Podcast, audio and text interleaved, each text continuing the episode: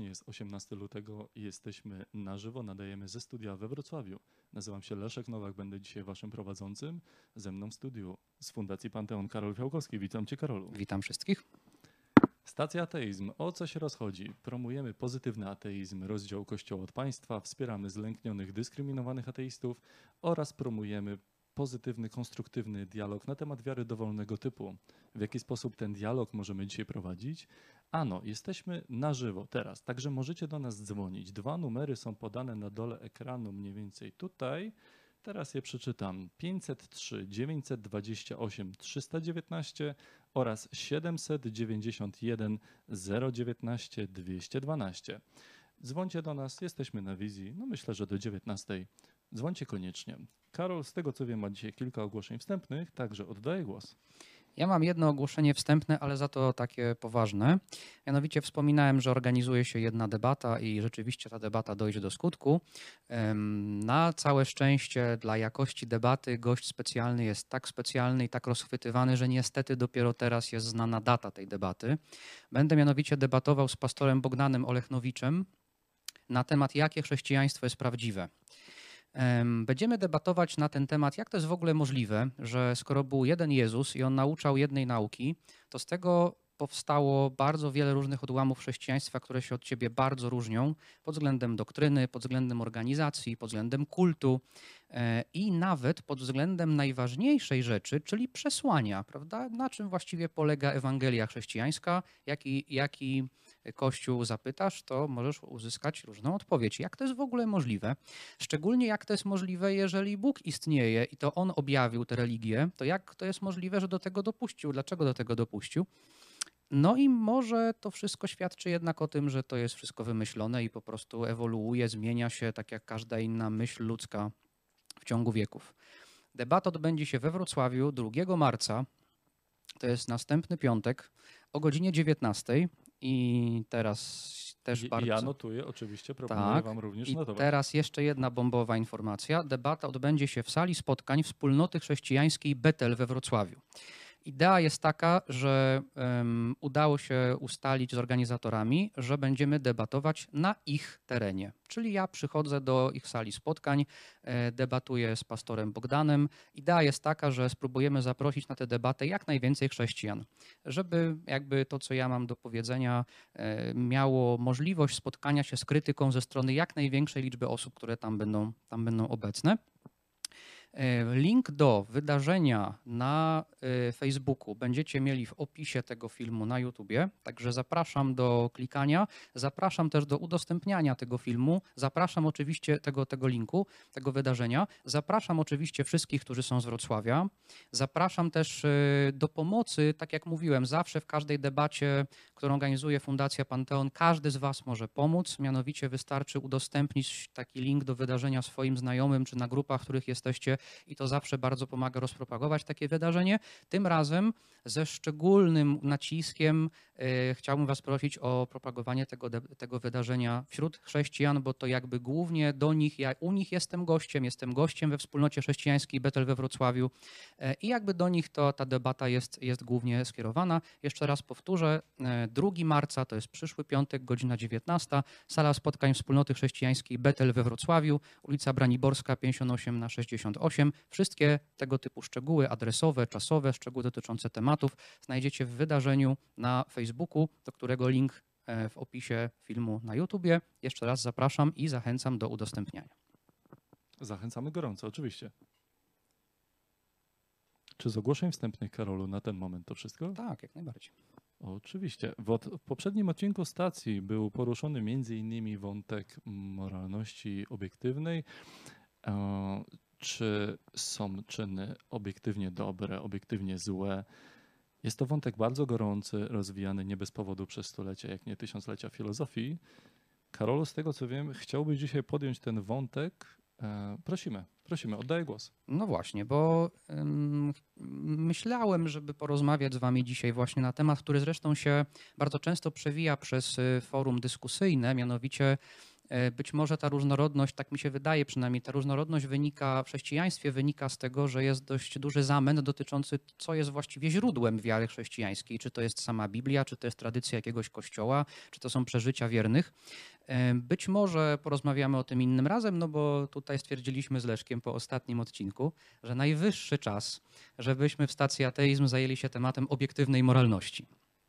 Uprzedzam, że moje stanowisko w tej sprawie będzie stanowiskiem nihilistycznym, więc może się nie spodobać niektórym z Was, może się nie spodobać nawet Leszkowi, może się nie spodobać niektórym ateistom, niektórym wierzącym, ale za to jest to stanowisko, e, jak cały nihilizm, jak cały nihilizm nie tylko słuszne, ale też dające dużo szczęścia, dlatego bardzo chętnie się z wa- Wami e, nim podzielę. Zacznijmy e, jak zawsze od koniecznego zdefiniowania terminów, którymi ja się będę posługiwał. E, I będę miał do Was kilka pytań e, w międzyczasie. Na początek odróżnijmy sobie moralność w sensie opisowym od moralności w sensie normatywnym, bo tutaj też jest często dużo nieporozumień. Moralność w sensie opisowym, czyli, czyli w sensie deskryptywnym, to jest to, co ludzie albo grupy ludzkie uważają, że jest dobre albo złe, albo co się powinno, albo co się nie powinno. Moralność w sensie opisowym po prostu opisuje, odpowiada na pytanie, co ludzie uważają, co ludzie, w co ludzie wierzą, że jest dobre a, albo złe. I w tym sensie takie zdania, ludzie mają różną moralność, albo każdy ma inną moralność, albo nie istnieje jedna moralność, albo jest różna moralność w różnych kulturach. Takie zdania są po prostu zjawiskami, które możemy zaobserwować. Natomiast jest to coś zupełnie innego i jakby zupełnie inaczej należy się zabrać do, normal, do moralności w sensie normatywnym. Moralność w sensie normatywnym y, to jest to, co jest rzeczywiście dobre i złe. To jest to, co rzeczywiście należy albo nie należy czynić. To jest to, co rzeczywiście naprawdę się powinno albo nie powinno. I oczywiście pytanie o obiektywną moralność dotyczy moralności w sensie właśnie normatywnym. No i zdefiniujmy sobie słowo obiektywnie. Załóżmy dla uproszczenia taki świat, że y, taki prosty świat, w którym żyją wszyscy ludzie, którzy nie mieli do czynienia z filozofią, czyli są rzeczy, są ludzie, zwierzęta, jest Leszek, jestem ja, jest ten stół i na przykład jest ten długopis ze napisem stacja ateizm. Więc załóżmy taki realistyczny świat. I teraz w tym realistycznym świecie, dlaczego mi zabierasz długopis, Leszku? Nie, chciałem zobaczyć, przepraszam, byłem zaskoczony. Jest, no, jest długopis z napisem Stacja Ateizm. Jak widzicie, e, bardzo ładny długopis z napisem Ładny, Stacja ładny. Ateizm. Z bardzo ładnym napisem Stacja Ateizm. Teraz następuje, następuje poznanie przeze mnie tego długopisu. Ja w tym procesie jestem podmiotem poznania, po łacinie subjektum, a ten długopis jest przedmiotem poznania, po łacinie obiektum. I teraz w tej sytuacji są możliwe dwa rodzaje sądów i dwa rodzaje jakby opisów przedmiotu poznania. Sąd subiektywny, czyli inaczej opinia, to jest sąd, który zależy ode mnie jako od podmiotu poznającego. Czyli gdybym był niewidomy, gdybym, był, gdybym nie umiał czytać, gdybym nie rozróżniał kolorów tak bardzo drastycznie, żebym nie widział, jaki to jest zupełnie kolor, gdyby zgasło światło, gdybym był z innej cywilizacji, nie wiedziałbym, jaki, co to jest długopis i do czego służy, to moje postrzeganie tego, tego długopisu byłoby zupełnie inne i mój sąd o nim byłby zupełnie inny. Moja subiektywna opinia byłaby zupełnie inna w zależności od okoliczności wynikających ze mnie. W przeciwieństwie do tego, sąd obiektywny, czyli inaczej fakt, to jest sąd, który zależy wyłącznie od przedmiotu. On oddaje cechy, które są zawarte w przedmiocie, y, tak jak przedmiot jest sam w sobie i to nie zależy od, od podmiotu poznającego w żaden sposób niezależnie od tego, co jakieś podmioty, ludzie o tym uważają, niezależnie co o tym mówią. Obiektywny to znaczy taki, że coś jest rzeczywiście takie, jakie jest, niezależnie właśnie od tego, jakie na ten temat są subiektywne y, opinie. Jeżeli uważasz, że ten długopis jest srebrny, i jest to niezależne od tego, co ja bym na ten temat powiedział. Jest to niezależne od tego, co wszyscy ludzie by na ten temat powiedzieli. Jest to nie, nawet jakby wszyscy ludzie nagle zniknęli z powierzchni Ziemi i nikt by tego długopisu nie widział, to ten długopis dalej byłby srebrny, to uważa, że ten długopis jest obiektywnie srebrny. To znaczy obiektywnie, niezależnie od subiektywnych opinii podmiotów, które, które coś poznają, które te subiektywne opinie wy, wyrażają. Teraz zobaczmy, czy jest możliwe cokolwiek ocenić w sposób obiektywny. Weźmy inny przykład. To jest kubek z logiem stacji ateizm. Skąd ty masz takie fajne rzeczy, A Karolu? przyniosłem parę takich właśnie do studia dzisiaj. To jest kubek z logiem stacji ateizm. Spróbujmy ocenić ten kubek, czy jest fajny. Moim zdaniem, ja subiektywnie uważam, że ten kubek jest zarąbisty. Czy to oznacza, że ten kubek jest obiektywnie zarąbisty? Tak. Lechu, czy, czy, Mhm, czy, zgodzisz, tak. czy zgodzisz się, że, Potwierdzam, jest obiektywnie czy, czy zarąbisty. zgodzisz się, że twoim zdaniem ten kubek też jest, obiek, też jest zarąbisty? Masz takich więcej? Z chęcią poproszę, jest zarąbisty. Y, Czy zdaniem wszystkich osób obecnych w studiu ten kubek jest zarąbisty? K- Czy to oznacza, że ten kubek jest obiektywnie zarąbisty? Tak. Y, Ten kubek zawdzięczamy Eli. Pozdrawiamy bardzo Elę. Pozdrawiamy, ale oczywiście. Gdybym, gdybym nie uważał, że ten kubek jest zarąbisty, gdybym uważał, że on jest brzydki, to Eli byłoby smutno. Czy z tego powodu ten kubek jest obiektywnie zarąbisty? No i oczywiście zawdzięczamy ten kubek Eli. To znaczy, jeżeli byśmy na wizji powiedzieli, że kubek jest brzydki, to Ela mogłaby już nigdy więcej nam nie pomóc w organizowaniu tego typu Ale rzeczy. nigdy byśmy tak nie powiedzieli, Oczywiście, bo jest że nigdy zarąbisty. by, oczywiście, tak, jest zarąbisty. Ale gdybyśmy chcieli tak powiedzieć, to Eli byłoby może do tego stopnia smutno, że nie chciałaby więcej nam pomagać w robieniu takich zarąbistych rzeczy. A tego byśmy nie A chcieli. tego byśmy bardzo nie chcieli. I teraz to by było bardzo niekorzystne, to by było bardzo szkodliwe dla przetrwania i rozwoju stacji. Czy to oznacza, że z tego powodu ten kubek jest obiektywnie zarąbisty? No i przejdźmy w końcu Karol, do kubek ocen... jest zarąbisty po prostu, przejdźmy dalej. Przejdźmy do ocen moralnych. Weźmy jakiś czyn, na przykład zabójstwo, tak żeby był jakiś taki czyn, który, którym religie są bardzo za pan brat. Jakiś czyn, na przykład zabójstwo. Teraz, jaki by tu wziąć symbol zabójstwa? Oleszek to ma taką książkę, której, która, która jest bardzo dużo zabójstw. Autor tej książki bardzo lubuje się w zabójstwach, dużo zabija, nakazuje zabijać. A to czytałem, nie, daj Tak, spokój. no, więc, więc uznajmy to jako bardzo dobry symbol zabójstwa. I teraz zobaczmy, jakie są zjawiska towarzyszące zabójstwu, które mogą nam pozwolić, czy pomóc, czy wskazać nam, czy zabójstwo jest obiektywnie dobre, czy złe. No, większość ludzi odczuwa, odczuwa jakieś obrzydzenie, czy wstrętna myśl, że może kogoś zabić. Większość ludzi uważa, że zadawanie cierpienia jest złe, prawda? więc zabijanie jest takim ekstremalnym przykładem zadawania cierpienia.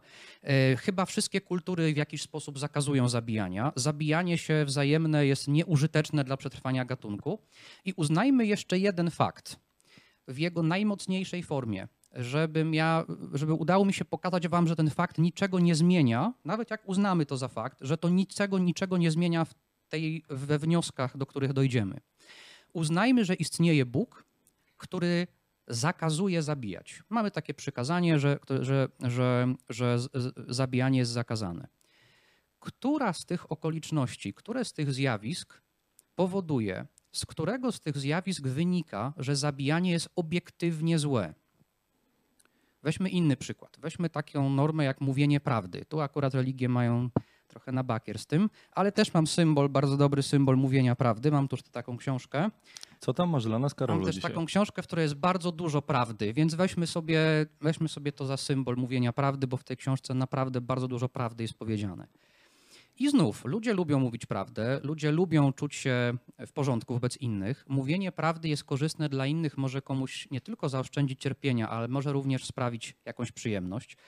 Ułatwia to relacje społeczne, więc jest korzystne dla relacji społecznych, jest korzystne dla życia społecznego. Chyba we wszystkich kulturach też są normy zakazujące kłamstwa. I uznajmy jeszcze, że istnieje Bóg, który zakazuje kłamstwa na mocy swojego przykazania.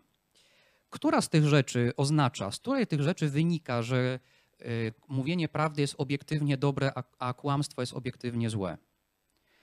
Otóż z żadnych. I z żadnej z tych rzeczy. Dlaczego z żadnych?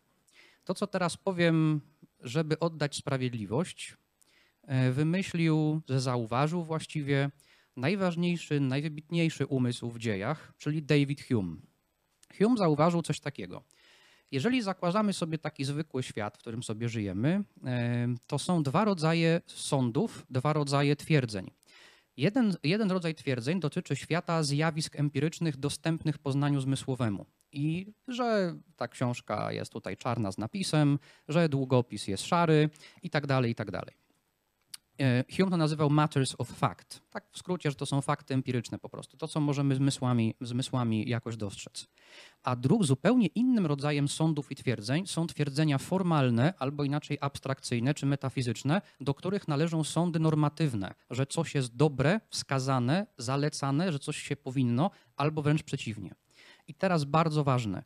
między jednym a drugim światem nie zachodzi żadne wynikanie logiczne.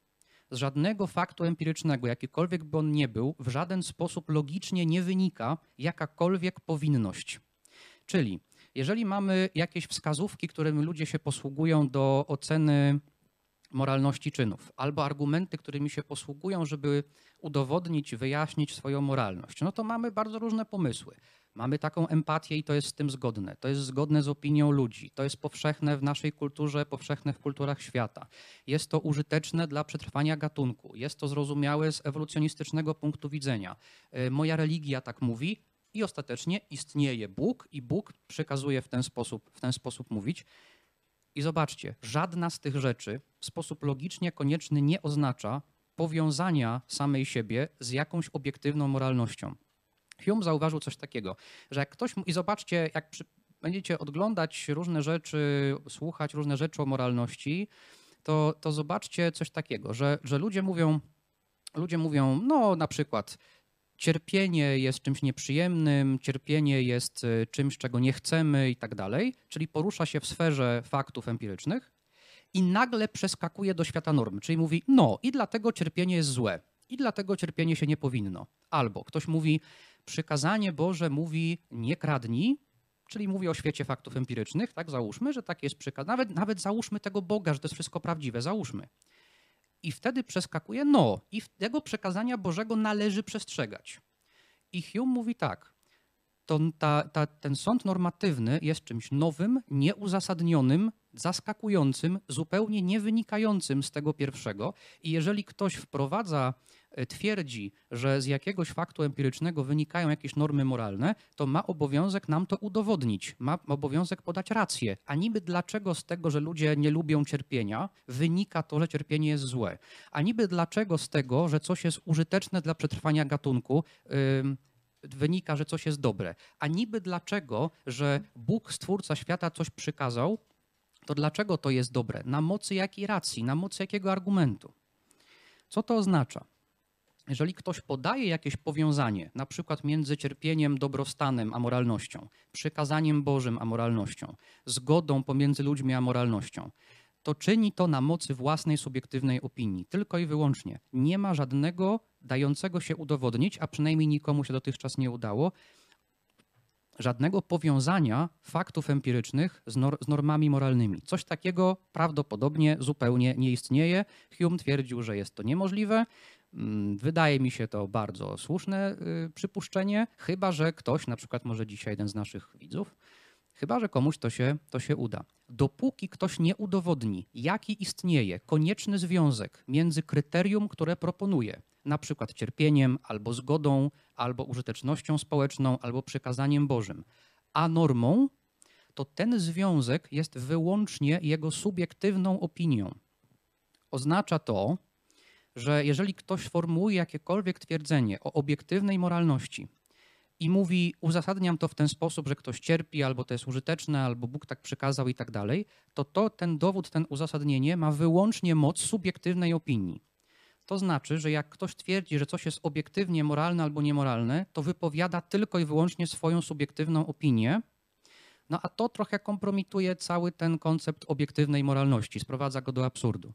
Dlatego każda, każde sformułowanie tej obiektywnej rzekomo moralności, jeszcze raz, udowadniane jakimś związkiem z jakimś faktem empirycznym, jakoś uzasadniane, je, ma moc wyłącznie subiektywnej opinii dotyczącej powiązania między tym faktem empirycznym a tą normą moralną. A zatem jak ktoś przychodzi i mówi, mam obiektywną moralność i podaje jakiś, jak, jakąś jej rację, to ta jej racja jest zawsze wyłącznie subiektywną opinią. I dlatego z mojej strony odpowiedź na pytanie o obiektywną moralność brzmi: Zachęcam wszystkich do cieszenia się życiem, nie niepokojenia się wymyślonymi problemami i nie dania się jakimkolwiek oszustom, którzy przychodzą do Was i mówią: My znamy obiektywną moralność. I tymi słowami zapraszamy do telefonu. Z tego co widzę, urywają się dzisiaj. Bardzo zapraszamy do jak telefonów. szalone. o tym, które chrześcijaństwo jest prawdziwe, jak to stwierdzić i która moralność jest obiektywnie prawdziwa i jak to stwierdzić. Zapraszamy do rozmowy. Prosimy o Lub linię numer dwa. Lub z każdą inną sprawą oczywiście. Halo? Halo, halo, słyszymy się. Jesteś na wizji tu Leszek i Karol. Jak masz na imię, skąd dzwonisz? Kasia z Gdańska jestem. Cześć, Kasiu. Cześć Kasia, miło cię słyszeć. Jej! Wspaniale. Co tam słychać? Z czym, do, z czym do nas dzisiaj dzwonisz? Ja z takim pytaniem małym dzwonię, Mhm.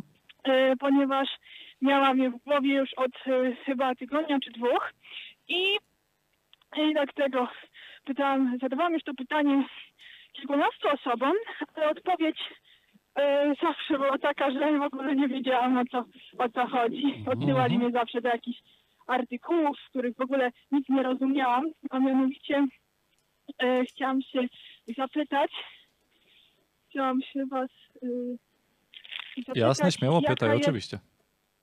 Jaka jest różnica między starym ateizmem a nowym ateizmem? Oczywiście. Stary ateizm, to jest w- bardzo w skrócie odpowiem, bo to jest szersza myśl oczywiście. Stary ateizm zapytany o to, czy w Boga wierzy, odpowiadał nie. I tu się mniej więcej rozmowa kończyła, albo na przykład na tym, że był za ten stary ateizm ktoś palony na stosie. A nowy ateizm na to samo pytanie, czy wierzysz w Boga, odpowiada nie. A ty dlaczego w niego wierzysz? A generalnie to pogadajmy o negatywach wynikających z religii na świecie. To jest ta różnica, że ateizm wcześniej tylko na pytanie odpowiadał, a nowy ateizm też zadaje swoje Rozwijał. pytania. To jest ta różnica, tak bardzo w skrócie. A, a między tym pozytywnym a negatywnym, bo też nie do końca rozumiem te różnice. I teraz e, zdefiniujmy na przykład na potrzeby tej rozmowy negatywny ateizm jako e, podchodzę do osoby wierzącej i mówię jej, że to jest idiotyczne, że ona wierzy w to, co wierzy, przecież nie znalazłem żadnego dowodu za istnieniem Boga. Tym samym e, wniosek logiczny, rozmawiam teraz z idiotą, bo ktoś wierzy, a nie ma dowodów. To jest ateizm A. negatywny, ja się z tym nie utożsamiam, ubolewam nad tym, ilu, ateizm, ilu, ilu ateistów podchodzi do wierzących w ten sposób, z perspektywy ja ci teraz będę tłumaczył, że jesteś idiotą, bo, bo, bo w Boga wierzysz. Ja się z tym A, nie takie- utożsamiam Z kompletnie. takiego założenia jestem e, ateista, więc jestem racjonalny, więc jestem lepszy. Tak, wie, tak, że całe to wywyższanie i, i tak dalej, i tak dalej. No, No takie słabe. Też uważam to za słabe, także cieszę się, Kasiu, że się rozumiemy w tej kwestii. No. Dla odmiany pozytywny ateizm to jest to, co staramy się w tym programie robić. Mianowicie ja nie mam żadnego problemu z tym, że ktoś gdzieś na świecie w Boga wierzy. E, Ja nie mam żadnego problemu z tym, że ktoś gdzieś na świecie w Boga nie wierzy. Problem zaczyna się wtedy, kiedy Kiedy już chcę wepchać tą religię y, tym, którzy nie wierzą. Tak, kiedy wszyscy żyjemy w. XXI wieku i to jest tylko problem, to nie jest problem No. tylko i wyłącznie Polski i Europy, to jest problem na skalę światową, że wciąż w XXI wieku świat religijny próbuje narzucić, nakazać, wymusić No ustawowo, polityczno, gospodarczo, taki. społeczno-ekonomicznie to, żeby, żeby wszyscy żyli według reguł religijnych, niezależnie od tego, czy wierzą, czy nie. I tu jest ten problem, tych nakazów. Jeżeli by tych nakazów nie było, no to okej, tak w skrócie, nie? No. No, także mam nadzieję, że odpowiedzieliśmy na pytanko. no, odpowiedzieliście, to teraz będę wiedziała. Dobra, super. No to dzięki śliczne za telefon. e, Lecimy do kolejnych i jak coś, to jeszcze Dziękuję. dzwoń. Dzięki, do usłyszenia. Dzięki śliczne. Kasiu, słyszymy się? Będziemy kończyć. Dzięki za telefon. Dobra. E, Szybki telefon na początek. Dwie linie wolne z tego co widzę. Śmiało dzwońcie. Czekamy na telefony. E, O. Prosimy linię numer dwa. Właśnie się pojawił. Halo, halo, słyszymy się? Tak, halo? Cześć, jesteś na wizji. Tu Leszek i Karol. Skąd dzwonisz? Jak masz na imię?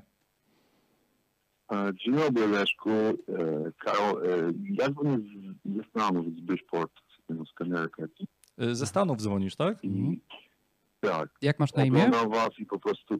Krzysztof, Krzysztof. Mhm. Krzysztof. Je, jeszcze raz, z Connecticut?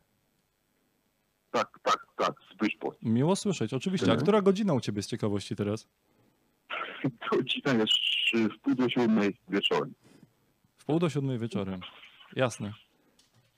I z czym do nas dzwonisz? pozdrawiam was, strasznie serdecznie was pozdrawiam, a po prostu e, wczoraj widziałem twój, twój wywiad, co po prostu jestem w szoku, bo jesteście bardzo inteligentni ludzie, no normalnie szok i, i, i po pierwsze, nie atakujecie nikogo, no, no super, dla mnie bomba, po prostu miło was oglądać. Miło słyszeć, staramy się, oczywiście. Tak. Dzięki. Dzięki za miłe Dokładnie słowa. o to nam chodzi, więc bardzo miło to słyszeć z twojej strony. Także, także pozdrawiam serdecznie. Chciałem się zapytać, co wy myślicie na temat y, taki, że e, jeżeli ktoś nie wierzy w żaden, w żaden byt, w żadnego Boga, czy on będzie przez danego Boga, przypuśćmy, po śmierci ukarany, czy lub pójdzie do nieba? Co wy myślicie na ten temat? To jest może troszeczkę takie dziwne pytanie, ale... Po, powiedz mi, czy dobrze rozumiem pytanie. Czy jeżeli ja na przykład jako ateista po śmierci e, zobaczę, że jest jednak sąd ostateczny i gdzieś tam niebo, piekło przede mną, to twoje pytanie brzmi, czy ja z automatu trafiam do piekła. Dobrze rozumiem? Znaczy się, chodzi mi o to, czy po prostu, y, jeżeli ja nic, prawda, Mhm. czy bo jest islam, jest chrześcijaństwo, jest buddyzm, czy ja przez jakiegoś z tych bogów po prostu będę albo ukarany, albo nie. Aha, rozumiem. Masz, masz obawy, co się wydarzy po twojej śmierci z tobą, tak?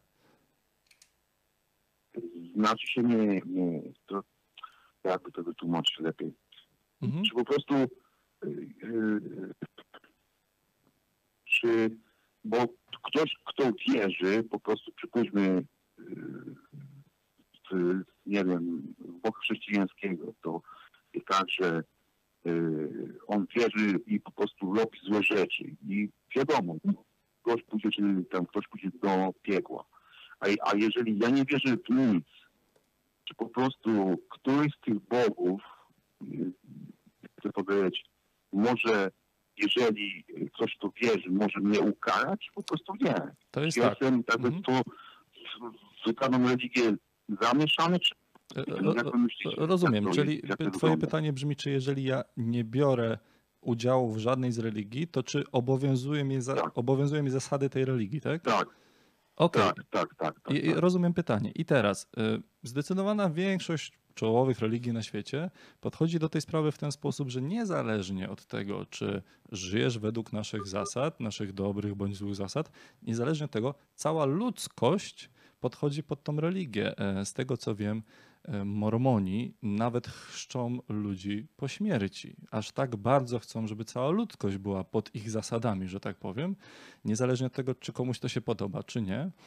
E, Ale nie trzeba, nie, nie trzeba sięgać aż tak daleko. Mm, Klasyczne chrześcijaństwo, że tak to powiem, chyba każdy z jego odłamów, tak jak no, każda czołowa religia, wszystkich traktuje tak samo. Albo jesteś z nami, albo nie. I po śmierci wszyscy Albo będziemy rozliczani. Generalnie wszyscy, tak wiesz, absolutne podejście do całej ludzkości. I teraz jest jedna sprawa, czy ty spełniasz e, reguły akurat tej czy innej religii, a druga sprawa, czy w ogóle którakolwiek z religii ma uzasadnienie w swoich wierzeniach. Karolu? No zadałeś Krzysztofie pytanie, które jest o tyle złożone, że no y, prawie, że każdej religii jest troszkę inaczej, prawda? Y, Rzeczywiście Leszek podał przykład mormonizmu, który jest o tyle ciekawy, że mormoni wierzą, że można przyjąć chrzest za zmarłych. Y, To znaczy, że jak ktoś zmarł i był niewierzący, to oni mają specjalną ceremonię w świątyni, że za takiego człowieka przyjmują chrzest, czyli on je, ma, uzyskuje możliwość bycia zbawionym. Y, Trochę y, inaczej jest w innych odłamach chrześcijaństwa. I tutaj to, co powiedziałeś, że jak ktoś spełnia jakieś uczynki dobre, idzie do nieba, spełnia jakieś uczynki złe, idzie do piekła, to jest y, pogląd katolicki i, prawosławny. Bo w bardzo wielu odłamach chrześcijaństwa zbawienie jest przez wiarę, niezależnie od uczynków. To znaczy, jeżeli ktoś nie wierzy w odkupieńczą śmierć Chrystusa na krzyżu, nie wierzy w Boga, nie wierzy w historię, która jest opowiedziana w Ewangelii, nie wierzy w to, że Jezus umarł za, za, za jego grzechy i nie przyjmuje Jezusa jako, jako swojego Pana i Zbawiciela, nie wierzy, krótko mówiąc, no to nie będzie zbawiony, bo zbawienie jest wyłącznie przez wiarę, niezależnie od tego, jak wiele dobrych uczynków on będzie spełniał, niezależnie od tego, jak bardzo za dobrego człowieka będzie się będzie się uważał. Także w chrześcijaństwie jest tak, że w zależności od chrześcijaństwa bardzo różnie. A w islamie z kolei, na przykład, islam jest tutaj jakby o tyle ciekawym przykładem, że islam podobno ma najgorsze piekło ze wszystkich religii. Także jeżeli warto się obawiać jakiegoś piekła, to przede wszystkim muzułmańskiego.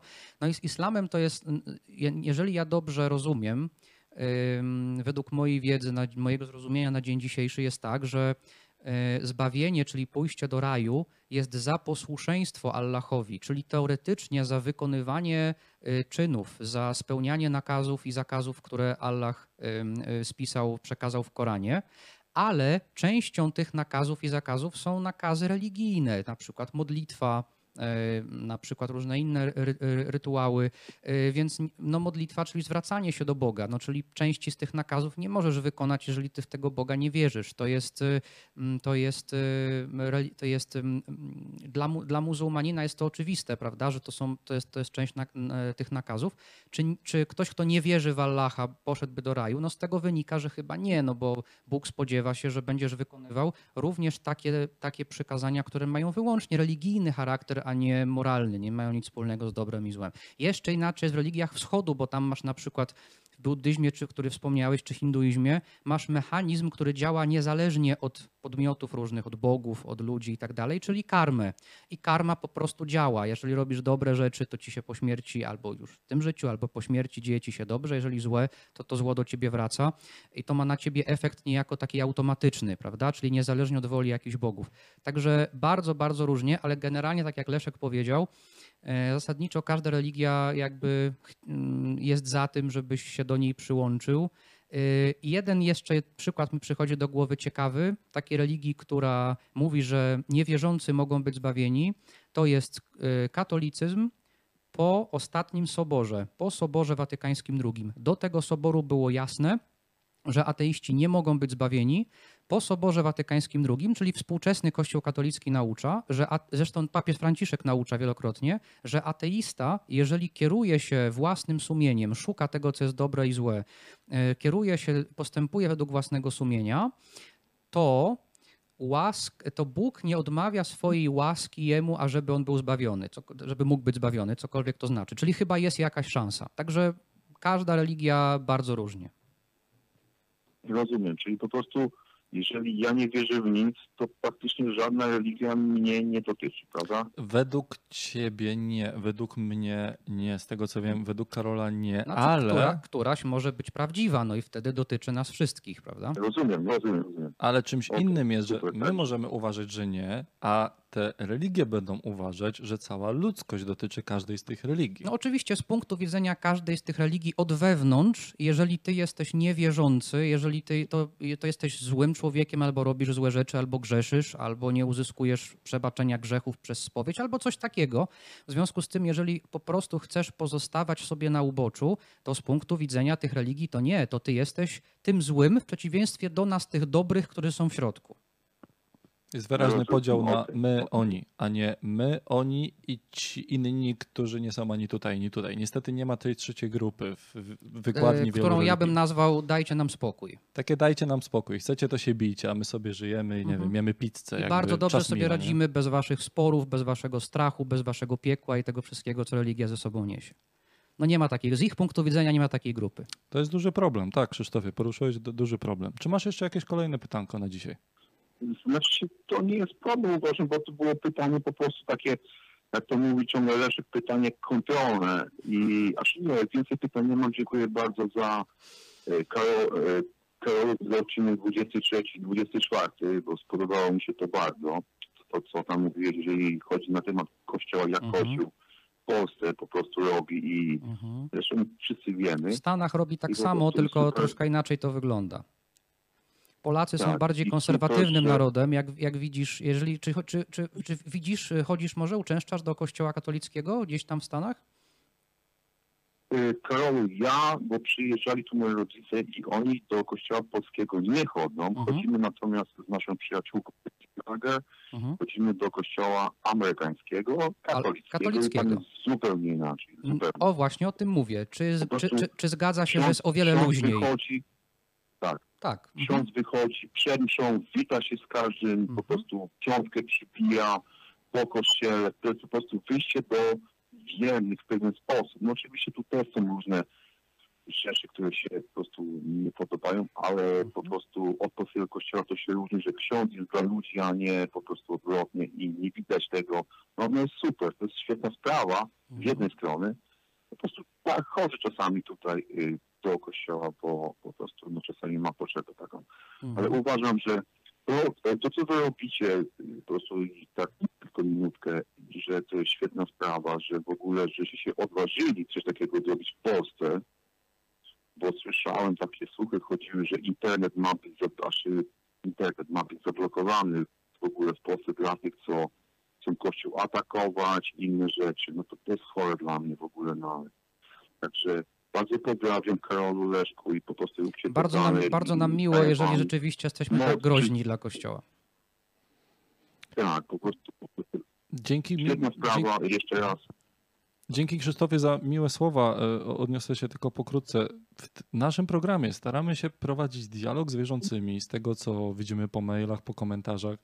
Bardzo często ten dialog nam się udaje i mam nadzieję, że tego typu program w tak uśmiechniętym formacie będzie sobie spokojnie działał. E, Jeżeli tego typu konstruktywna rozmowa do, dostałaby jakąkolwiek cenzurę, to myślę, że byłby to objaw tego, że, że coś na poziomie mm, infrastruktury społecznej no jest, jest grubo nie tak, nie? Także to jest miłe, co mówisz, Znaczy się- że udaje nam się ten dialog. Ja Bardzo myślę, nam na tym zależy.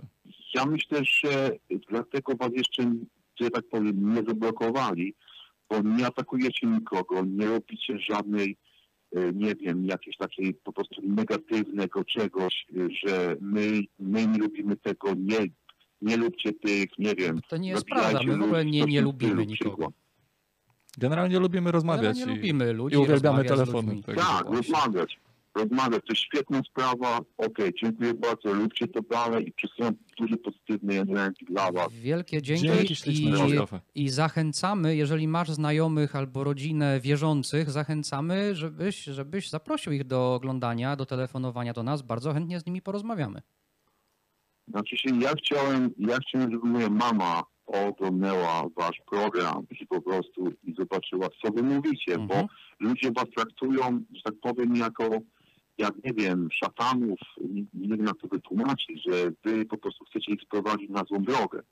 Więc oni powinni was posłuchać i, i ja uważam, że wtedy naprawdę mogą zmienić zdanie na temat, na temat, na temat przepraszam, dialogu między ludźmi wierzącymi, a ateistami. Nie ma żadnej agresji, nie ma, no, no to jest świetna rzecz, to po prostu coś pięknego, co wy robicie, no. Dzięki. Dzięki śliczne Krzysztofie w imieniu całej ekipy, cały sztab ludzi pracuje nad tym, żeby takie odcinki były takie, jakie są.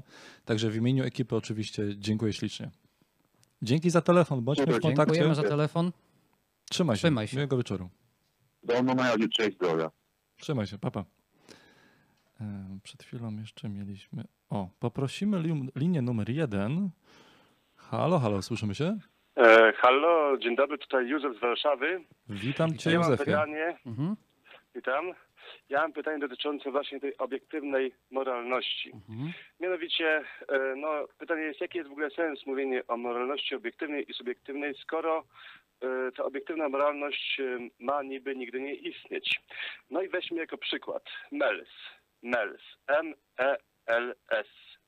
Jest to, jak wiadomo, skrót od Marksa, Engelsa, Lenina i Stalina. Dodaj, dodajmy do tego jeszcze Pol Pota i Mao. No i pytanie jest takie, czy, czy Stalin popełniał czyny, które są obiektywnie, mora, e, które są obiektywnie moralnie złe. Jak uważasz, Józefie? Jak Józefie uważasz? No więc ja uważam, z tego, z, z tego co mnie uczono w ogóle, że, że Stalin popełniał czyny, które są obiektywnie moralnie złe. Podobnie. Pol popełniał czyny, które są obiektywnie moralnie złe. Po, podobnie. Mao popełniał czyny, które są obiektywnie moralnie złe. I Mhm. wszyscy inni z Mersu. Czyli Marx, Engels i Lenin też. A powiedz, a, No. ci, a te osoby, które cię uczyły, to dlaczego one uważały, że te czyny były obiektywnie moralnie złe? No dlatego, że w wyniku, w wyniku tych czynów bardzo dużo ludzi straciło życie, straciło majątki, straciło zdrowie. Mhm. I No Właśnie teraz, z tego powodu, że, że, że powodowało to masowe cierpienie. mhm. I teraz, jaka jest potrzeba ym, przechodzenia od, tego, od tych faktów, które opisałeś, do nazywania tego, że to jest obiektywne zło? Dla jasności, No, mówimy o obiektywnym źle, a nie mamy na myśli tego, że on coś robił dobrego. Mhm. Ja uważam, że on robił coś złego. Pytanie brzmi in, Wszyscy, się, inaczej. wszyscy się zgadzamy. Wszyscy się zgadzamy. Mało tego, jeszcze poczekaj, y, jeśli jeśli mogę, Józefie. Zgadzamy, Mhm. po pierwsze, zgadzamy się co do faktów. Po drugie, myślę, że wszyscy z Leszkiem i z tobą zgodzimy się co do oceny. Uważamy, że to było złe. Było złe. Kropka. I, I teraz, po co jeszcze dodawać do tego zagadnienie, czy to było złe w sensie obiektywnym, poza naszymi ocenami? Tu jest to pytanie. Czy uważasz, Józefie, że to było obiektywne złe, oprócz tego, że było złe? No więc jak coś jest bardzo, bardzo złe i dużo ludzi na tym cierpi, to wydaje mi się, że to jest też obiektywnie, Mhm. moralnie złe. Okej. Dlaczego ci się tak wydaje? No bo, yy, a, ja- yy, a dlaczego nie? No bo nie jestem w stanie w tym momencie powiedzieć, dlaczego nie. Dlatego, że jeżeli mówisz, że coś jest obiektywnie dobre albo złe, a ja tego nie widzę, to chciałbym zobaczyć Twoją rację. Dlaczego Ty wiążesz, od, mówisz na przykład, że jak coś jest ba- takie bardzo złe, to wtedy jest obiektywnie złe. No ale od którego momentu się zaczyna, że coś jest bardzo złe? E, Co to znaczy, że coś jest bardzo złe dokładnie? Czym to się różni od złe? Ty wypowia- wy- wypowiadasz takie, takie twierdzenie, prawda? I mu prze, prze, przechodzisz od opisu faktów zbrodni, które ci ludzie dokonali, do oceny, że to jest obiektywnie złe. Ale dlaczego tak uważasz? Jeżeli tak dlatego, twierdzisz, to po prostu właśnie- chciałbym usłyszeć dlaczego. No dlatego, że w wyniku e, tych czynów e, utraciło bardzo dużo osób życie. Mm, Bo Józef- jak coś, tak, Mhm. jak coś takiego jest, to znaczy, że mi się wydaje, że to nie może być obiektywnie moralnie dobre, Mhm. ani też obiektywnie moralnie neutralne. Józefie, mam wrażenie, że kręcimy się w kółko trochę. Ja cię Właśnie. pytam, ja, ty, mówi, ty mówisz, my się zgadzamy, że wielu ludzi straciło życie i tak dalej. I mówisz, i z tego wynika, że to jest obiektywnie moralne złe. Ja, ja cię pytam, ale na podstawie czego ty łączysz empiryczny fakt, że ludzie ginęli, z obiektywną oceną moralną tych czynów? Właśnie nie wiem, ale to, no, ale to w, jaki sposób można stwierdzić, że to nie było e, e, ani obiektywnie moralnie złe, ani obiektywnie moralnie dobre, Świetne ani pytanie, Józefie. Bardzo ci za to bardzo ci dziękuję za pytanie, jak można to stwierdzić? Nie można. A dodam, E- dlaczego potrzebujesz czegoś więcej Właśnie. od oceny Stalin robił złe rzeczy. Kropka. Jak dla mnie dyskusja jest jakby załatwiona, możemy pogadać na inne tematy. Dlaczego w ogóle przejść w tej rozmowie na warstwę, Mhm. ale czy to było obiektywnie złe? Ja nie rozumiem tego wątku. No właśnie, bo z tego by wynikało, że słowo obiektywnie moralnie X nie ma sensu, tak? Że, że dla każdego X y, obie, y, słowo, obiekty, zdanie, obiekty, że coś jest obiektywnie moralnie X jest bez sensu, tak czy nie? jest o tyle bez sensu, że mm, nie wiadomo, dlaczego by tak miało być, ani nawet nie wiadomo, jak można by się było tego dowiedzieć. Plus na dodatku, plus wracamy do tego pytania, po co w ogóle takie zagadnienie, po co w ogóle formułować takie, takie, takie stwierdzenie? Zgadzamy się co do faktów, zgadzamy się co do oceny, po co jeszcze rozpoczynać dyskusję filozoficzną o tym, czy to było obiektywnie złe czy dobre? Która jest o tyle beznadziejna, że nawet nie mamy jak się do tego zabrać, jak to poznać. Nie wiemy, jak, to, jak do tego dotrzeć, do, tych, do tej sfery obiektywnych prawd. Y, Jeżeli ona jest niepotrzebna, no bo się zgadzamy i potępiamy te zbrodnie i nie mamy jak dotrzeć do prawd moralnych, obiektywnych, to po co w ogóle wprowadzać to pojęcie? No dlatego, że generalnie funkcjonuje w języku potocznym słowo obiektywnie moralnie dobre, obiektywnie moralnie złe, obiektywnie Mhm. moralnie neutralne. Okej. Pytanie, czy, czy to, że coś y, funkcjonuje w języku, w języku po- potocznym, czy z tego nie wynika, że to słowo obiektywnie moralnie X, y, że takie wyrażenie jest bez sensu w ogóle dla każdego X. Y, Jest, ono ma pewien. Leszku, czy mogę ten wątek trochę podrążyć? Jasne? Karolu, oczywiście. Bo, mm, Rzeczywiście, gdyby nie miało żadnego sensu, to by, nie, by go nie było, prawda? Natomiast obawiam się, że ten sens jest gdzieś indziej niż mm, może się nam wydawać na co dzień. Y, Mówisz, Józefie, że one się, że, że słowo tam obiektywnie, moralnie dobry czy zły rzeczywiście pojawiają się w języku. W jakich kontekstach najczęściej je słyszysz? Kto je mówi, że coś jest obiektywnie dobre albo złe i dlaczego? No tak, y, już teraz tego nie pamiętam, ale generalnie ludzie mówią, że coś jest obiektywnie, Mhm, mhm. moralnie... Kto i w jakich Dobre. sytuacjach posługuje się tym stwierdzeniem, że a to, co ja teraz mówię, to jest obiektywnie dobre albo złe? Zresztą najczęściej to są rządzący. O właśnie. Duchowni, rządzący, nauczyciele, rodzice, ludzie, którzy chcą, żebyś ty zachowywał się w jakiś sposób i którzy stosują taki blef, że twoje opinie moralne są mniej słuszne niż moje, moje są bardziej słuszne niż twoje, ponieważ ja rzekomo mam dostęp do jakichś obiektywnych prawd moralnych. I do tego słowo obiektywna moralność właśnie służy. Do wmawiania tobie i nam wszystkim, że czyjaś opinia jest faktem obiektywnym. I rzeczywiście, ponieważ wielu ludzi daje się na to nabrać, no to to działa i jest stosowane niestety. Taka jest moja odpowiedź na twoje pytanie. Jaki jest sens istnienia tego pojęcia? Co chwilę słychać takie sformułowania jak fakty obiektywne, jak e, fakty autentyczne. To służy tylko i wyłącznie podkreśleniu powagi tego, co słyszymy, ale nie stoi za tym żadna wartość merytoryczna, bo jeżeli powiem, Karol, kupiłem sobie nowe buty, albo Karol, kupiłem sobie nowe buty, to jest fakt autentyczny. Co ja dodałem do tej wypowiedzi? Nie, nie dodałem nic, ale bardzo często na chociażby wiecach politycznych czy na wiecach często religijnych, kiedy jest dobudowana pewna emocjonalność, pewne argumenty z autentyczności, z obiektywności, z tej prawdy objawionej, to zauważcie, jak teraz słuchacie mnie coraz bardziej z uwagą. To po prostu działa na ludzi. I to jest niestety bardzo często nieczysta zagrywka, za którą stoi nieczysta intencja. Weźmy może taki, takie prościutkie studium przypadku. Jak wiesz, Kościół katolicki naucza, że małżeństwo jest nierozerwalne, prawda? I Tak, ktoś, no. i teraz ktoś chce uzyskać rozwód, albo ktoś, e, no właśnie, jest, kwestionuje to nauczanie, i y, Kościół katolicki mówi mu tak. No, ludzie mogą mieć różne opinie na temat małżeństwa, ale obiektywnie małżeństwo to jest to i to, i między innymi jest nierozerwalne.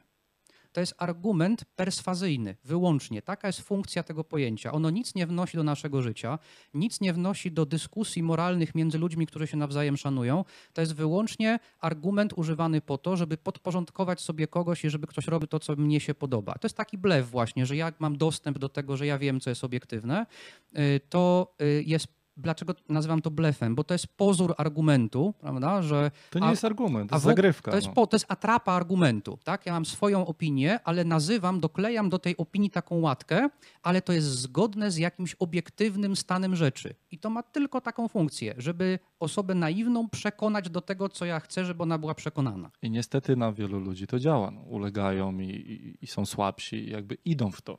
I to jest ten problem. Dobrze, a czy znacie w ogóle coś takiego, o czym możecie powiedzieć, że jest obiektywnie moralnie jakieś? Obiektywnie moralnie dobre, obiektywnie moralnie złe, obiektywnie moralnie nijakie. Ja nie jestem w stanie dokończyć żadnego z tych trzech zdań, które zacząłeś. Karolu? Z tego wszystkiego, co dzisiaj mówię, wynika, że oczywiście nie jestem w stanie niczego takiego podać, bo, bo nie jestem w stanie podać niczego, żadnej obiektywnej oceny moralnej czy żadnej obiektywnej wartości moralnej. Nie wiem w ogóle, jak można się by było tego. Nie tylko nie znam zestawu takich obiektywnych wartości, czy, czy powinności, czy norm, czy prawd moralnych, ale to, co dzisiaj starałem się powiedzieć, to nawet nie mam pomysłu, jakby można je było poznać w ogóle, jak się dostać do tej sfery, gdzie te obiektywne normy bytują, jak można by się było ich nauczyć. Podkreślę raz jeszcze, jeżeli ktoś na przykład w tym momencie włączył nas program, nie mówimy o tym, że moralność nie istnieje, nie mówimy o tym, że ocena moralna nie istnieje. Stalin robił złe rzeczy. tak uważam. Wszyscy dokonujemy ocen moralnych na użytek własny, na użytek grup, y, w których żyjemy. Y, Mówimy wyłącznie o niepotrzebności i o szkodliwości takiego pojęcia, że moja ocena moralna nagle jest jakoś jakościowo lepsza od twojej, ponieważ moja ocena moralna jest rzekomo obiektywna. Ty się nie znasz, a my Pomimo- mamy prawdę objawioną. pomimo, że mechanizmu tego, że mogłaby być, nie ma. Okej, dobra, to dzięki. Jasne. Prosimy. Dzięki bardzo. za telefon. Dzięki za telefon. Bądźmy w kontakcie. Trzymaj się. Dwie linie otwarte. Dzwońcie, dzwońcie. 503 928 319 oraz 791 019 212. Główny temat dzisiejszego odcinka to czy moralność obiektywna istnieje? Karol argumentuje za tym, że nie. Mamy kolejny telefon. Prosimy linię numer dwa. Halo, halo, słyszymy się? Tak, tak, słyszymy się. Cześć, tu Leszek i Karol, jesteś na wizji. Jak masz na imię? Skąd dzwonisz? E, Aleksander z Zielonej Góry. Dzień dobry, witam wszystkich. Witamy cię Aleksandrze, Cześć. słuchamy. Z czym do nas E, Bardzo dzwonisz? się cieszę, że się, że się dodzwoniłem, bo Karol dzisiaj porusza ogromnie ważny dla mnie temat, na który często dyskutuję z moimi znajomymi właśnie, czy da się ocenić, czy coś jest obiektywnie jakieś. Mhm. I z tego, co Karol ciągle podaje, odnoszę wrażenie, że, że się nie da i też tak często, często o tym myślałem, ale mam jedno pytanie. Mhm. E, Czy na tej podstawie, że nie da się ocenić, czy coś jest obiektywnie jakieś, e, to można wywnioskować, że e, to była jedna z przyczyn powstania na przykład jakichkolwiek wierzeń, właśnie próba odpowiedzi i próba znalezienia tego wzorca, do którego będziemy dążyć, tego ideału, tego, co jest obiektywnie dobre i jak należy postępować. Czy tak uważacie, że, że to była jedna z przyczyn powstania właśnie na przykład religii? Myślę, że jak najbardziej jest to y, bardzo prawdopodobne. Mm, Zwłaszcza, że pewne grupy, na przykład zwłaszcza władcy, którzy już tu byli wspomniani, no mieli pewien interes, żeby ludzie zachowywali się tak, a nie inaczej. Na przykład taki władca życzył sobie, żeby ludzie byli mu posłuszni, prawda? Więc Mhm. wszystkie, we wszystkich cywilizacjach, które znamy, najwcześniejszą formą rządów była teokracja. Czyli e, ludzie byli utrzymywani w posłuszeństwie w ten sposób, że władca zwracał się do kapłanów albo sam był najwyższym kapłanem i mówił ludziom: Wy musicie mnie słuchać, ponieważ bogowie tak każą. Prawda? Później, później tak, m, taka strategia legitymizacji władzy przeszła do chrześcijaństwa. Dzisiaj mamy takie bardziej świeckie rozważania moralne, czyli etykę. No i jak y, etycy coś powiedzą, to to jest rzekomo jakoś bardziej uzasadnione, albo obiektywne, albo udowodnione, albo właściwe do, do wierzenia, do przyjęcia przez nowoczesnych ludzi dzisiaj.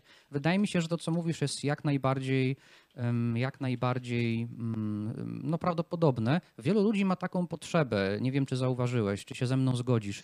Wielu ludzi ma taką potrzebę rzeczywiście wiedzieć, jak, co jest obiektywnie dobre i złe. Tak, tak, właśnie o to Prawda? mi chodziło. Właśnie nie o to, że ktoś kogoś czym indo- indoktrynuje, Mhm. tylko że ktoś sam wewnętrznie ma potrzebę Tak. jakby odpowiedzi na pytanie, jak żyć i właśnie szuka tego, co jest obiektywnie jest, dobre, co my jest o tym, obiektywnie my o złe, tym, my o tym, jak należy postępować. My o tym wspomnieliśmy, Leszek o tym wspomniał, że niestety takie używanie słowa pojęcia obiektywne sprawdza się, pada na podatny grunt, prawda? Większość ludzi, no, trudno powiedzieć czy większość, ale na pewno bardzo wielu ludzi y, no po prostu odczuwa jakąś trudność w takiej sytuacji, na taką myśl, że na przykład sami mieliby określać, jaki jest sens ich życia, co jest dobre albo złe, co jest wartościowe i bardzo wielu Mhm. ludzi zwraca się do tych, y, którzy twierdzą, że taki sens, czy takie wartości, czy normy moralne potrafią im przekazać. I myślę, że te dwie potrzeby, te dwa interesy się uzupełniają. Bardzo Ci dziękuję za uzupełnienie poprzedniej naszej rozmowy y, o to, co, o to, co Mhm. powiedziałeś.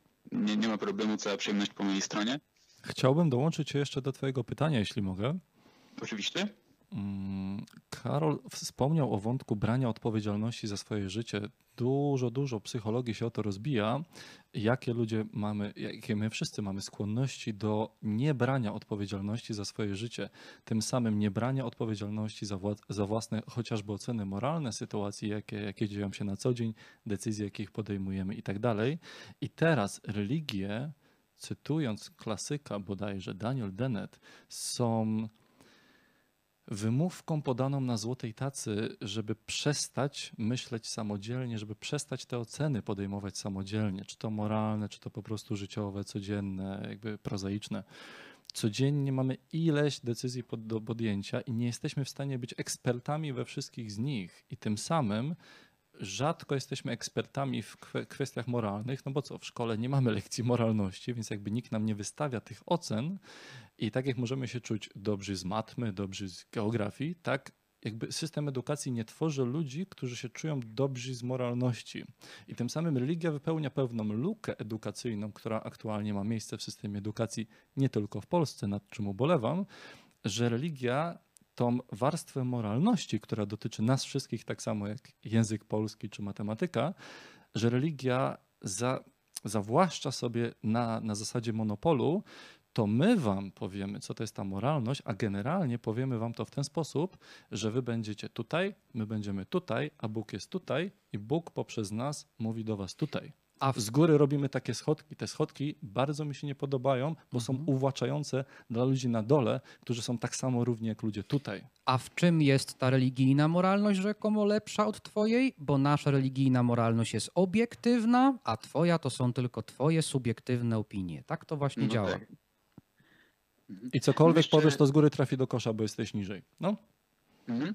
E, Jeszcze jedną kwestię chcę tylko poruszyć, właśnie odnośnie tego, e, że człowiek, który jakby poszukuje tej e, obiektywnej prawdy, często może się nadziać na właśnie taką nieskończoną niepewność, że tak naprawdę wszystko, do czego doj- dojdzie, wszystko to, jak postrzega świat, jest subiektywne i dochodzimy do tej takiej niepewności. No to no to jak żyć? Dlaczego, dlaczego czego się, na, dlaczego się nadziać?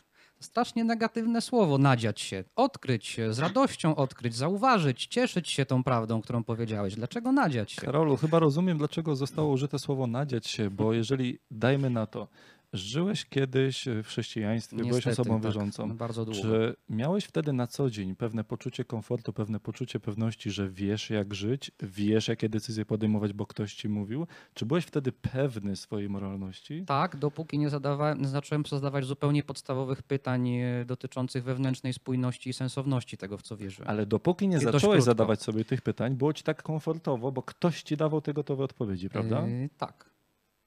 Przez Dokładnie. ten, przez ten krótki okres tak właśnie, tak właśnie było. I rozumiem pytanie Aleksandra w świetle tego, że w którymś momencie, kiedy na przykład ludzie wychodzą z religii, trafiają w świat nie pewności, absolutności, obiektywności moralnej i to jest złe, to jest dobre, czarno na białym, e, tych tępimy, a tych nie tępimy.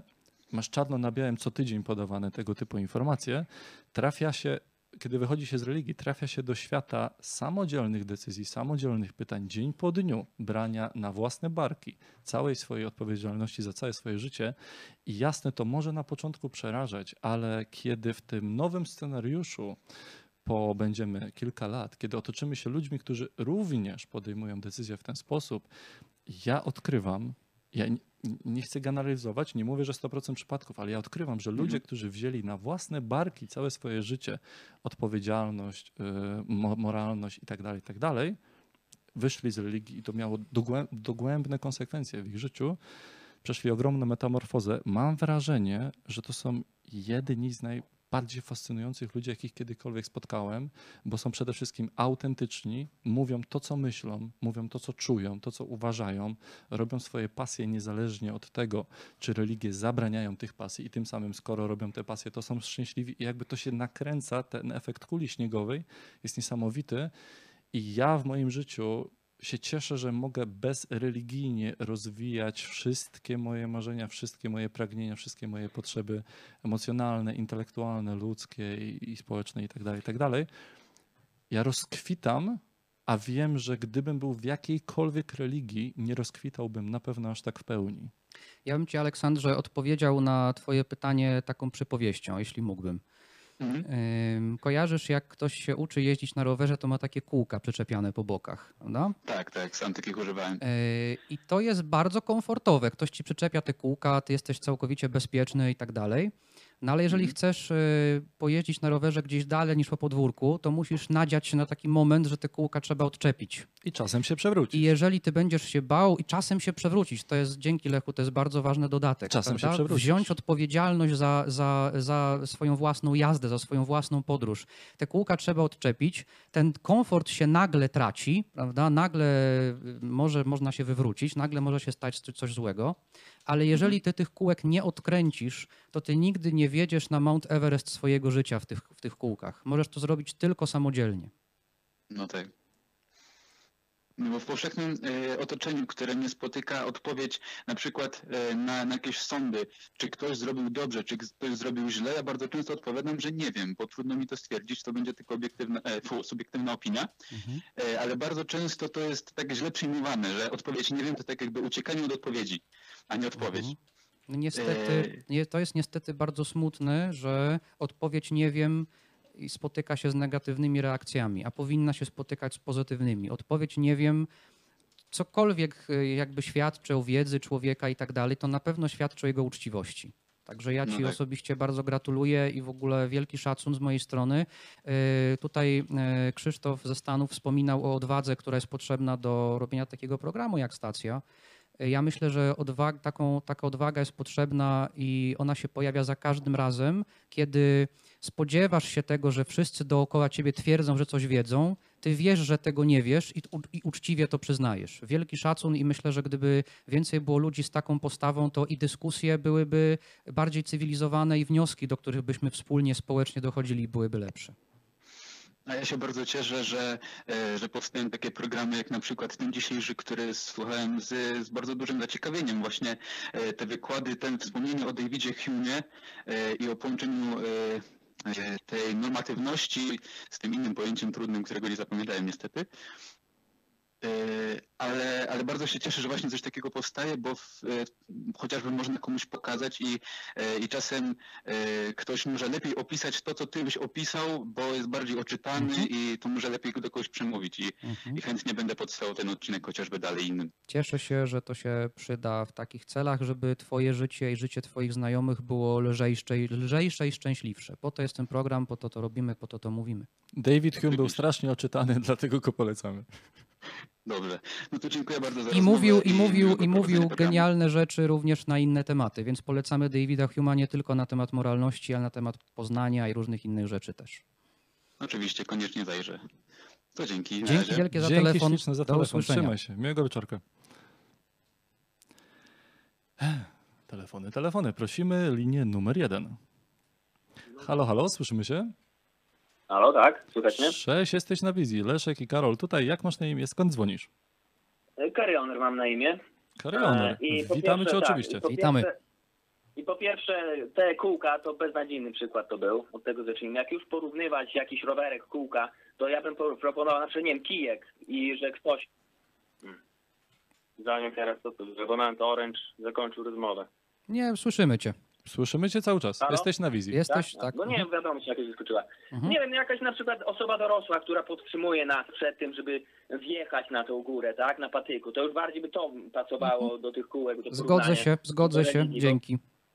Też E, dobry jeśli przykład, oczywiście.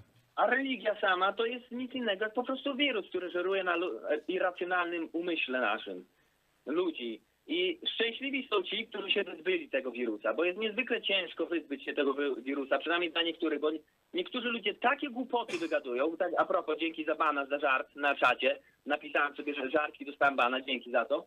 Tak a propos.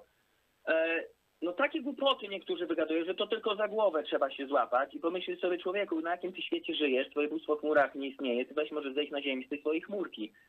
E, ale do czego ja chciałem w ogóle ym, nawiązać, bo teraz nie wiem, bo słyszałem, że o wartościach moralnych, tak? I ja widzę na czacie jakieś XZ lecą teraz.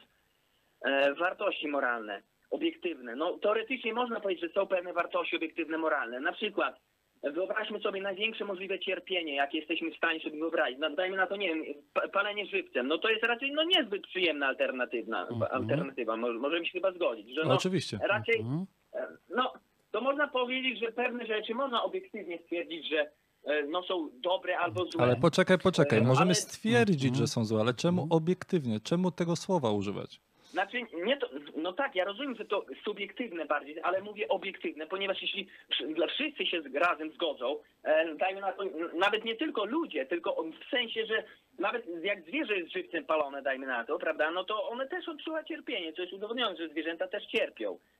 Więc tylko mu- i mówienie takie, że y, tylko jakieś bóstwo w chmurach sobie siedzi i że to on jest tą prawdą, że tylko od niego, bo to przecież musi być jakieś wartości moralne, to muszą od czegoś takiego pochodzić, no to to jest bełkot nic innego, no. Bo Mhm.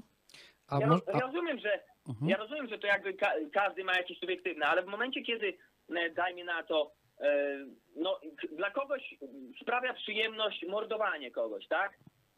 No ale no w tym momencie to już wkracza życie drugiej osobie, więc tak jakby no tutaj no nie bardzo to już moralne jest. A Bo powiedz- to tak jakby się można Mhm. zgodzić, że no, ja bym, no mało kto chce być zabity, dajmy Mhm. na to, tak?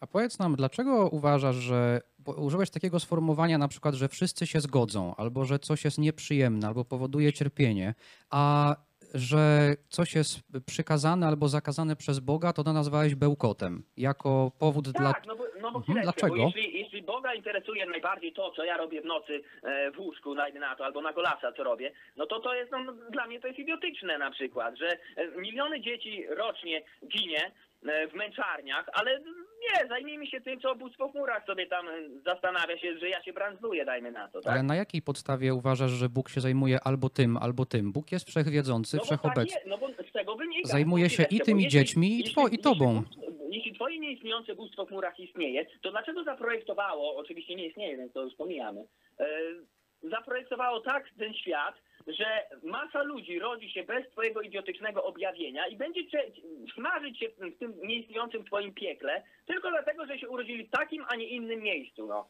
Czy jesteś w stanie... Dla- Mhm. I to jest, to jest takie idiotyczne, no bo miliony dzieci, dajmy na to, poniżej piątego roku życia, rocznie masa dzieci ginie w męczarniach, gdzie Mhm. rodzice tych dzieci trzymają te dzieci na rękach, modląc się do nieistniejącego bóstwa, żeby te dzieci uratować. Ale to wiadomo, że ich nie uratuje, bo takie coś jest, bóstwo w chmurach nie istnieje. Świat taki, jaki istnieje w takiej formie, wszechświat w tej formie, jakiej istnieje, istniałby bez względu na to, czy bóstwo takie w chmurach istnieje, czy nie, po prostu. To są ogromne Więc tragedie każdej, każdej rodziny z osobna, bóstwo, także które, zgadzam się. które pchnęło to wszystko w ruch, skoro świat, nasz wszechświat tak by wyglądał, tak by funkcjonował, nawet i bez tego. Bez, bez względu czy jakieś bóstwo w chmurach z jakiegoś zewnętrznego wszechświata, z jak, nie wiadomo skąd, by ingerowało czy nie, bo nie ingeruje po prostu. Z tym, z tym, po, z co w tym ogóle, zasta- po Mhm. co w ogóle mówić, że takie coś w ogóle istnieje? Może istnieje, ale w, twoim, w twojej głowie. Ja mogę stwierdzić, że hej, no jednorożec istnieje, jakaś wróżka, zębuszka istnieje. No bo- Przepraszam, bo w że wtrącę. No Odnieśmy to się po kolei, tak? to. Halo, Bo halo, to słyszymy się? Sprawia, tobie sprawia to przyjemność, ale to wcale nie znaczy, że jest to prawdziwe. Jeśli uważasz, że to jest prawdziwe, to mi to udowodni. Halo, mi czy się słyszymy? Dowody. Bo to, co ty stwierdzasz bez dowodu, ja mogę odrzucić bez dowodu. Halo, halo, czy słyszymy się się? słyszymy? Tak, tak. Dobra, No to to teraz się odniesiemy. Z pewnymi fragmentami Twojej wypowiedzi my się zgadzamy. Może tylko użylibyśmy trochę innego języka. Tak, ja wiem, wiem. Ja, tu, ja mogę też innego używać, to nie ma problemu. Bardzo to prosimy, jesteśmy w takim programie, w którym właśnie ten inny jest bardzo ceniony. Mówisz o Znaczy, wielu wątkach, które, które są problematyczne, o wielu wątkach, które są tragiczne dla tych ludzi i zgadzam się. Zastanawiam się, czy chciałeś po prostu wyrazić ten komentarz, czy chciałeś dzisiaj może coś spytać w kwestii moralności obiektywnej. Z czym do nas dzwonisz? E, Jeszcze raz, bo ja słabo słyszę, ponieważ mam na głośnym i mówiącym. Dobra, słyszymy się teraz? U- Ucho, ucho przyłożył. No i słyszę, słyszę. Dobra, okej. To jeszcze raz przypomnę. Dzwonisz do nas z jakimś komentarzem, z jakimś pytaniem. Dzisiaj troszeczkę rozmawiamy o obiektywnej moralności. Z czym do nas dzwonisz generalnie? Nie no, bo właśnie tak usłyszałem, e, że właśnie o tej obiektywnej moralności e, mówicie. No i chciałem też tam parę groszy powiedzieć, bo generalnie osoby wierzące próbują sobie zawłaszczyć te stwierdzenie, no mówiąc, że musi to od jakiegoś bóstwa pochodzić, no bo nie ma takiej według nich możliwości. E, A to wcale tak nie jest. No e, generalnie e, gdyby wartości moralne jakieś pochodziły od jakiegoś bóstwa, który rzekomo jakąś książeczkę napisał. A czemu książkę, czemu na przykład programu komputerowego nie napisał? No bo przecież on jest taki Mam, mam, mam, przepraszam, że przerwę. Mam ogromną prośbę. Gdybyś sprecyzował pytanie, odniesiemy się, gdyż jeszcze wiesz, mamy parę wątków na dzisiaj na odcinek przygotowanych. No, chodzi o to, że gdyby ta moralność tak pochodziła od Boga, e, a nie ze świeckich wartości jakichś, no to czemu w, ksią- w tej książce, czy tej, czy innej, czy w Koranie, czy gdzie, jest namawianie do zabijania, e, mowa o paleniu za czary, za nieistniejące rzeczy. No to jakby no nie jest zbyt moralne. Mam, mam wrażenie, że odrzucasz religijną moralność, czy moralność mającą pochodzić od Boga, z tego powodu, że ty się z nią nie zgadzasz osobiście.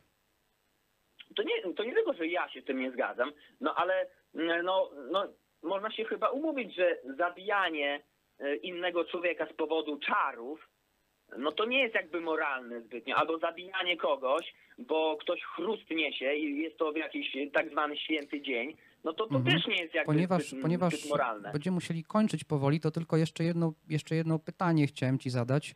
Czy to, że się umówimy, że coś jest dobre albo, albo złe, albo odczuwamy, że coś jest dobre albo złe, udowadnia, że Bóg nie istnieje i przykazania są bełkotem, a y, E, nie, moralność to znaczy, religijna to jest To, czy idiotyzm? istnieje, czy nie istnieje, no to, no to właśnie tu jest ten problem, że nie da się w 100% udowodnić, że nie istnieje, tak samo jak nie da się w 100% udowodnić, że istnieje. W ogóle się nie da udowodnić, że istnieje, bo nie istnieje, od tego zacznijmy. Jeśli dla mnie wierzący będzie mówić, że istnieje, to ja będę mówić, że na 100% nie istnieje. Mimo, że po prostu jedynie co można stwierdzić, to jest to wielce nieprawdopodobne. Mhm. I my z Leszkiem na przykład wierzymy w to, że jeżeli nie jesteś w stanie udowodnić, że ktoś inny się myli, to jest co najmniej przedwczesne nazywanie go idiotą. Fajnie, że się Cieszę z nami się, że Chyba, się rozumiemy. Udowadnia, chyba, że sam sobie udowadnia, że się myli. Fajnie, że się zgadzamy. A, no, jak ja słyszę pewne rzeczy, jak osoby wierzące co mówią, że on czuje, że tutaj bóstwo jest, że bo, bo wypełnia go. Przecież to wystarczy słowo jedno zmienić. Na przykład, o, że, że właśnie jak ja tak na was patrzę teraz na Twitchu, ja, ja w was widzę, widzę, widzę Michaela Jacksona. Ja jak patrzę, no, ja czuję, ja czuję, wewnętrznie czuję, że, że on was jest tam. Karionerze, No, tak wątek Michaela Jacksona. Karionerze. Halo, halo, słyszymy się? Tak, tak. Wątek Michaela Jacksona zostawmy sobie może na kolejny odcinek. Jesteśmy za, za, za tydzień w niedzielę o 18 również. Zadzwoń, bądźmy w kontakcie. Teraz będziemy już kończyć rozmowę. Mamy jeszcze kilka Mhm. spraw, a powolutku odcinek dobiega do końca. Okej? Do. Mhm. Dzięki, Dzięki ślicznie za za telefon. do usłyszenia. jeszcze. Dziękuję. Trzymaj się, miłego. Eee, Dużo wątków naraz po, po, po poruszonych. Czy, czy chciałbyś, Karolu, jeszcze jakiś, jaki, do jakiegoś się odnieść? Ba, bardzo dużo było pod rząd. Ja myślę, że odnieśliśmy się do najważniejszych. Myślę, że jeżeli Carioner e, był nieusatysfakcjonowany do końca, mogłoby tak być. Prosimy o kolejny telefon, po prostu też patrzę na zegarek, na ramy czasowe. E, je- Jeszcze mamy troszeczkę materiału na dzisiaj.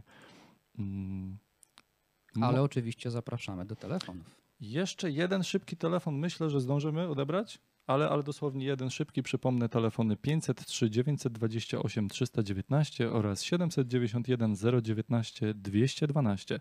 Tak jak widać, wątek obiektywnej moralności jest jednym z gorących tematów. E, Po każdej ze stron z dyskusji są. Po mojej są nie jest. Po wielu No, stronach.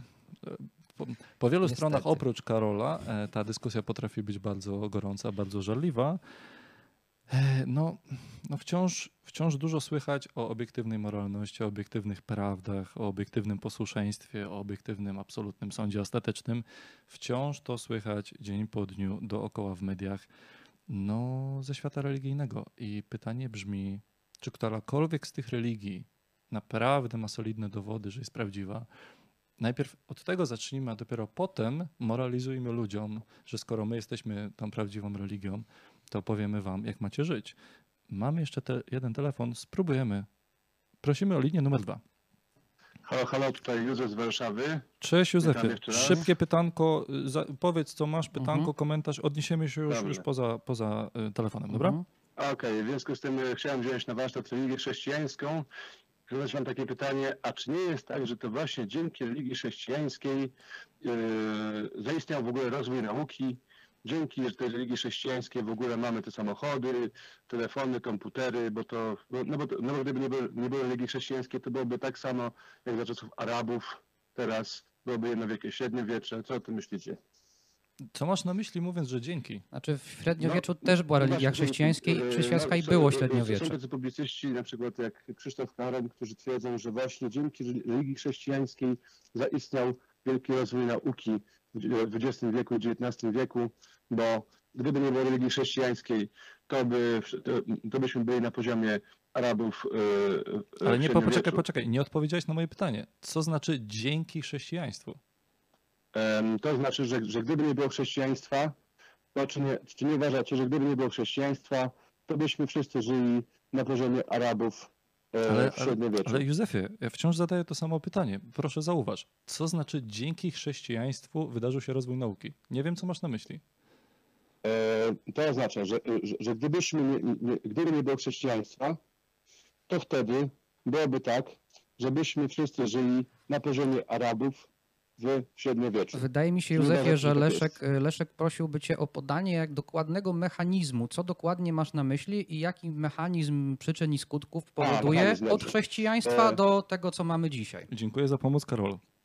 A, dobrze, dzięki. E, No więc ten mechanizm to polega na tym, że ludzie, ludzie zaczęli pracować na chwałę Boga i zaczęli bardzo dużo pracować, a Kościół katolicki e, mówił, że nauka jest, do, jest dobra i ludzie zaczęli rozwijać naukę na chwałę Boga, zaczęli, zaczęli e, dużo pracować naukowo i zaczęli w ten sposób wymyślać naukę i być może właśnie dzięki chrześcijaństwu mamy ten stan nauki i technologii, jaki mamy dzisiaj, a gdyby nie było chrześcijaństwa, to być może by, e, by było wszystko na poziomie Arabów w średniowieczu. E, O tym wszystkim mówi e, Krzysztof Karan. Józefie, swoich, przepraszam, że wtrącę. Tak jak wspomniałem, tak jak wspomniałem, odcinek dobiega końca. Ja się z tobą rozłączę, odniesiemy się już poza telefonem, dobra? Patrzę Dobra. po prostu na zegarek, też mamy swoje terminy. Dzięki śliczne za pytanie. Myślę, że teraz już o wiele lepiej zrozumiem. E, dobra, Józef się sam rozłączył. Karol, Ja myślę, że przez 5 sekund, które mam na odpowiedź na to pytanie, to zdążę powiedzieć tylko tyle. Rzeczywiście y, jest w tym trochę racji, ale znów trochę inaczej niż osoby wierzące to sobie wyobrażają. Mnie się wydaje, że to, co najba, naj, najbardziej wniosło chrześcijaństwo w rozwój cywilizacji, który umożliwił na przykład rozwój nauki, to jest to, że mm, doktryna chrześcijańska, nauka chrześcijańska, Ewangelia, nauka Nowego Testamentu daje bardzo słabe podstawy władzy państwowej do tego, żeby ingerować siłą w życie intelektualne czy w ogóle życie prywatne obywateli. E, I mm, na tyle, na ile to było możliwe w średniowieczu czy w późniejszych czasach, również przyczyniła się do tego reformacja i to, że powstało bardzo wiele odłamów chrześcijaństwa. E, W państwach chrześcijańskich zrobiła się przestrzeń do tego, że król przestał Oczywiście w niektórych, prawda, y, tych, w których nastąpił rozwój nauki.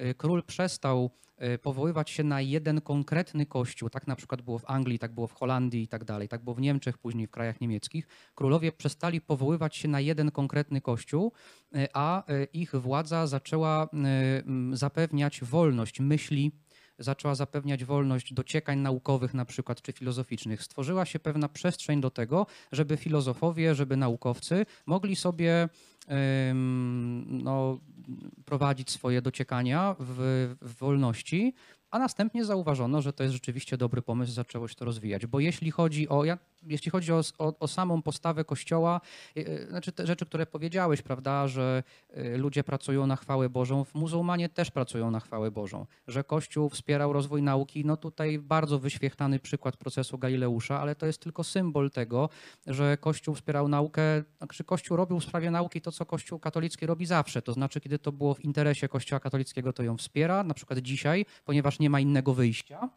A wtedy, kiedy to było wbrew interesowi Kościoła katolickiego, czyli na przykład w XVII wieku, to naukę traktował inkwizycją.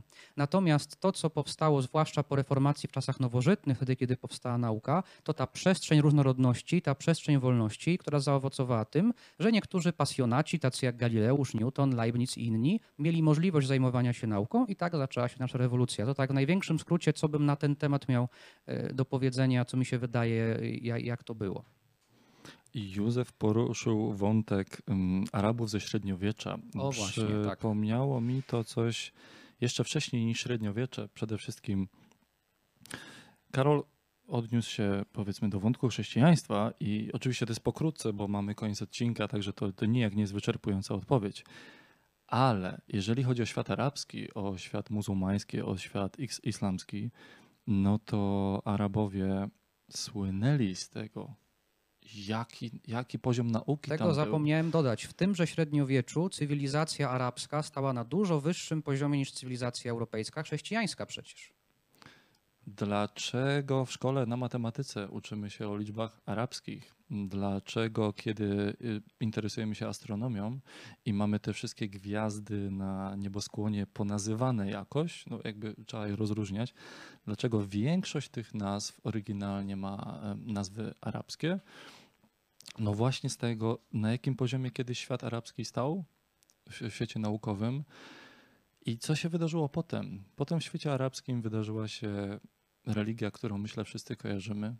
Islam, religia bardzo głośna, bardzo, bardzo agresywna, bardzo mm, restrykcyjna, bardzo oddzielająca, co można robić, a czego nie. Jakby są religie bardziej delikatne i religie bardziej ekstremalne. I jeżeli odczytujemy islam dosłownie, a wielu muzułmanów niestety tak robi, to mamy sytuację, w której muzułmanin żyje według nakazów i zakazów, które bardzo go ograniczają, i teraz tego typu formy islamu mamy od setek lat, tysiącleci i tak dalej. Co to, co to sp- sprawiło? Że dzisiaj raczej nie słyszymy o tym, żeby świat muzułmański słynął z noblistów. Raczej słyszymy, że z noblistów słynie świat żydowski. Bodajże 25% wszystkich nagród Nobla to są Żydzi. Szacun generalnie. Eee, A, a świat arabski, nie wiem, czy to był 1%, coś po przecinku. Nie chcę teraz skłamać, ale dla porównania, świat arabski miał dawno temu, myślę, że wciąż ma ogromny potencjał naukowy i o wiele więcej nauce mógłby przynieść, gdyby nie religia, która tam się pojawiła, bo nagle na tym wykresie rewolucyjności i niesamowitości nauki w islamie, w świecie arabskim pojawił się ogromny spadek, zahamowanie, to już nawet nie była stagnacja, to mam, mam wrażenie, że była regresja. I, I chociażby Neil deGrasse Tyson bardzo często wspomina publicznie, że mu spędza to sen z powiek w nocy, kiedy on myśli o tym, gdzie nauka w XXI wieku by była dzisiaj. Medycyna, ile byśmy żyli, jak byśmy zdrowo żyli, co z tym rakiem, co z nowotworami. Gdy, gdzie by dzisiaj była nauka, gdyby nie zahamowanie rozwoju nauki poprzez świat arabski. To jest jedno z ogromnych pytań w ludzkości. Ja ubolewam nad tym, jak często religia hamuje rozwój nauki. Okej, czasem pomoże temu rozwojowi, ale mam wrażenie, że tak jak w tym programie dużo mówimy o negatywnej strony religii i zawsze staramy się podkreślać, że pozytywy są, jasne, ale skupmy się na negatywach.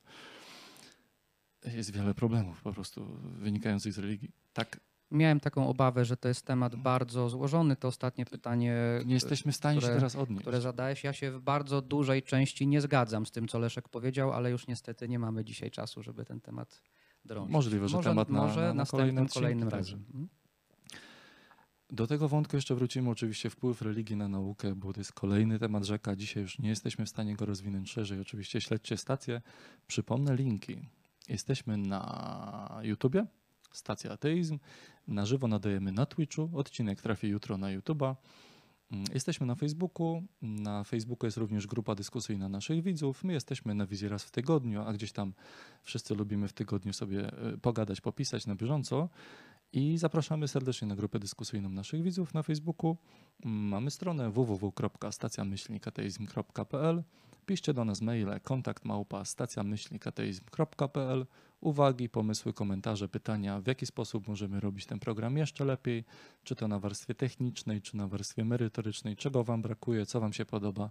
Piszcie, dzisiaj było, było kilka głosów bardzo miłych, za wszystkie oczywiście dziękujemy.